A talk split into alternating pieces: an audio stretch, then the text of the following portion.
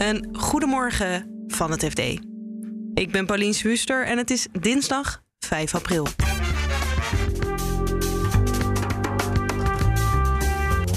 Duitsland worstelt met de afhankelijkheid van Russische energie en ziet in ons een mogelijke oplossing.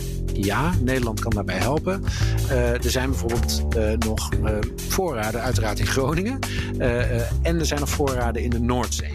En online bank Bunk is in een hoogoplopend gevecht beland met de Nederlandse bank. Tot aan de rechter. al jaren zo dat daar verhaal toch over gaat dat banken het liever niet doen, omdat ze toch bang zijn voor de lange arm van uh, de Nederlandse bank, uh, zoals dat dan vaak genoemd wordt. Dit is de dagkoers van het FD. De afhankelijkheid van Russische energie staat bovenaan de politieke agenda in Duitsland. Gisteren kwam Rob Jette op audiëntie in Berlijn om te kijken wat wij voor onze oosterburen kunnen betekenen. Gerben van der Marel is onze correspondent in Duitsland. Heel veel waarschuwingen, uh, alarmbellen die gaan af van uh, nee, dat is dodelijk voor onze industrie. Als je uh, um, een stop zet op gasimport, hè, als belangrijkste grondstof eigenlijk voor de Duitse economie, dan zou het zomaar kunnen zijn dat je die grote chemieinstallaties moet stilzetten. En dan wil je niet weten wat de schade zal zijn, want er ontstaat een kettingreactie. Want die machines die je dan uitzet, die zet je niet zomaar aan. En dat betekent dat er allerlei andere producten in de schappen zullen verdwijnen. Uh, duur worden, schaars worden. En dat is de grootste angst eigenlijk in de Duitse politiek. De minister die uh, Rob Jette gisteren heeft uh, gesproken. Ja, dat is een hele interessante figuur. Zijn naam is Robert Habeck. hij is een, een, een, van de Partij van de Groenen. Hij is fel tegen een energieembargo.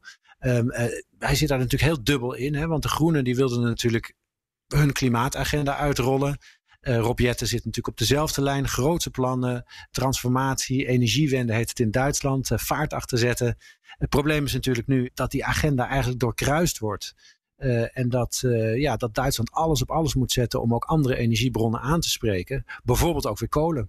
Wat was dan zijn boodschap? Want hij wil dus niet dat er een uh, ban komt op de import van uh, Russisch gas. Wat wilde hij dan van Rob Jetten? Nou, zij willen samen uh, één lijn trekken. woensdag wordt er gesproken over, over nieuwe sancties in, in Europa. Ehm, het aanscherpen van de sancties. En daar voel je natuurlijk aan naar de beelden van afgelopen zondag. dat er woede is. Hè, dat er, dat er een, een gevoel leeft dat er een nieuwe strafmaatregel opgelegd moet worden. Belangrijkste inzet van Duitsland en ik denk dat ze daar Nederland in mee hebben gekregen. Als ik Rob Jetten zo goed beluisterde vanmiddag in Berlijn. Is um, uh, dat ze gefaseerd de duimschroeven aandraaien. Er zit misschien een, een opening als het gaat om uh, een embargo op kolen, steenkolenimport. En eventueel olieimport. Ontzettend belangrijk ook voor Duitsland.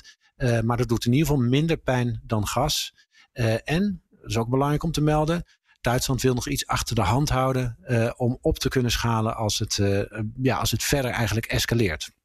En willen ze dan ook hulp, grondstoffen van ons uh, Nederland? Ja, Nederland kan helpen, uh, om het maar even uh, plat te zeggen. Nederland heeft al heel lang geholpen. Nederland is een belangrijke toeleverancier van gas geweest, traditioneel voor, voor Duitsland. Noorwegen is dat ook een hele belangrijke. De aller, aller, allerbelangrijkste is, is, is Rusland. Nederland kan daarbij helpen. er zijn bijvoorbeeld nog ehm, voorraden, uiteraard in Groningen. En er zijn nog voorraden in de Noordzee. en daar zou Duitsland, waar ja, er is grote weerstand is daartegen, moet ik wel zeggen. Het Nederlandse coalitieakkoord zegt ja, we moeten winnen in de Noordzee. Uh, Duitsland zegt nee, maar daar zie je toch een opening ontstaan. Bij ons is er nog niet nou ja, enorme paniek over een, een mogelijke gasboycott. Uh, is dat in Duitsland erger? Ja, dat kan je wel zeggen. Er zijn, uh, terwijl je, dat is heel gek, in Nederland hoor je de industrie eigenlijk heel weinig hierover. De afhankelijkheid van Rusland is ook een stuk kleiner. Maar we weten allemaal natuurlijk dat, dat de Duitse economie ontzettend belangrijk is voor, voor Nederland en de andere buurlanden in Europa. als de Duitse motor stilvalt of die grote fabrieken moeten productie stilleggen, dan heeft het onmiddellijk ook een impact op de rest van Europa. Toch wordt de urgentie in Nederland, uh, nou ja, die komt in ieder geval, wordt in ieder geval minder sterk tot uitdrukking gebracht. In Duitsland daarentegen, de Bas F. Topman, uh, die heeft afgelopen weekend uh, echt, een, uh, een, ja, echt een verhaal verteld dat Duitsland alles wat bereikt is in de naoorlogse economie op het spel wordt gezet als die gas, die goedkope gasinvoer stop wordt gezet. Het is een Krupp, hè, de bekende staalbedrijf. Vergelijkbare uitingen van de topvrouw daar. Dus daar is heel veel consternatie in Duitsland. Ja, Nederland is natuurlijk met Groningen voor Duitsland natuurlijk mogelijk een bron. En daarover heeft Rob Jette nog eens aangegeven dat wat hem betreft, wat het Nederlandse kabinet betreft, wordt vastgehouden aan het afbouwen. Hè, wat, we, wat we kennen, dat verhaal. Maar als er een echte disruptie komt, een echte heftige stop, dan zal uh, ook uh, Groningen, het winnen van extra gas in Groningen, zal toch wel weer op de agenda komen.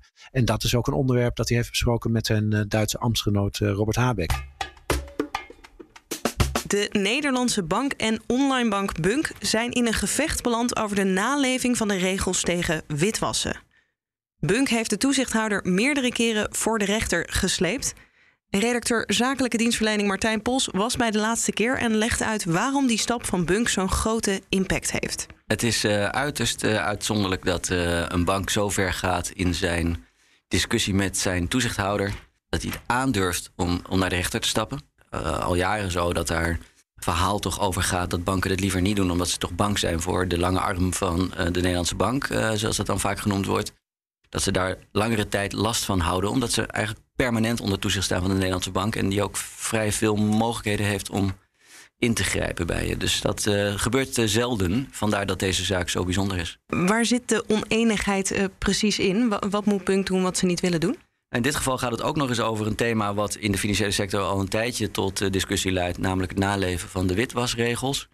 Banken zijn verplicht om hun klanten goed te screenen voordat ze er zaken mee gaan doen en moeten ondertussen ook als bank, als klanten uh, transacties doen, goed in de gaten houden dat daar geen illegale transacties tussen zitten die uh, te maken hebben met criminaliteit of met terrorismefinanciering. Dat is uh, zeker in deze tijden met sancties ook wel weer een hot item geworden, maar is eigenlijk al jaren een speerpunt van de Nederlandse bank ge geworden. Met de nodige gevolgen. Banken hebben duizenden mensen moeten aannemen om allerlei achterstanden die de bank heeft geconstateerd, om die in te halen. Dat gaat in meer of mindere mate uh, af en toe uh, niet zonder discussie. En mensen vinden dat het ook veel te ver gaat, omdat klanten er steeds mee lastiggevallen worden. Bij andere banken heeft dat geleid tot, tot allerlei aanpassingen in het beleid. Bunk zegt van wij, willen, wij willen ons niet schikken naar wat de DNB van ons vraagt nu.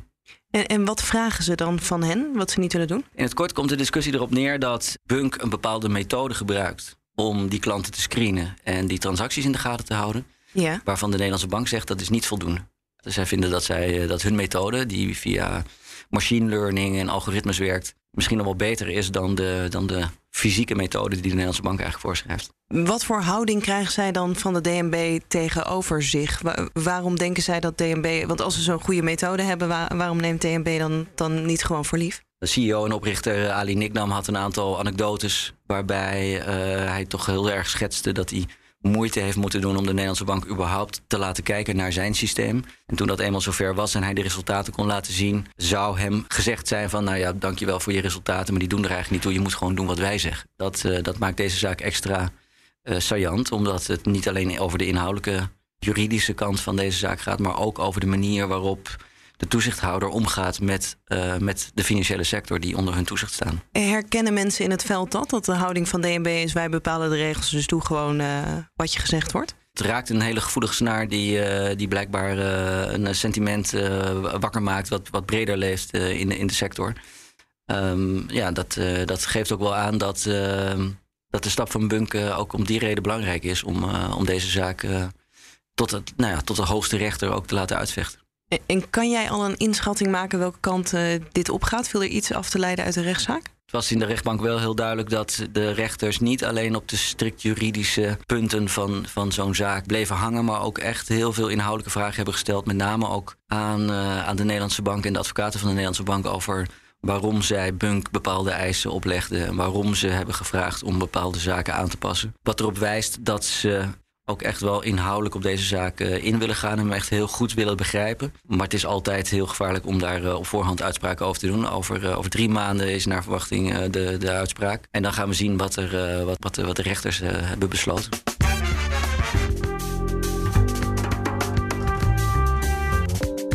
Dit was de dagkoers van het FD. Op fd.nl vind je Martijns verhaal over de strijd tussen Bunk en de Nederlandse Bank en Gerbens verhaal over het energievraagstuk van Duitsland. En je volgt op fd.nl natuurlijk ook het financieel-economisch nieuws. Dagkoers volg je in je favoriete podcast-app. Zoek ons even op en klik op abonneren, dan staan we morgenochtend weer voor je klaar. Een hele fijne dag en tot morgen.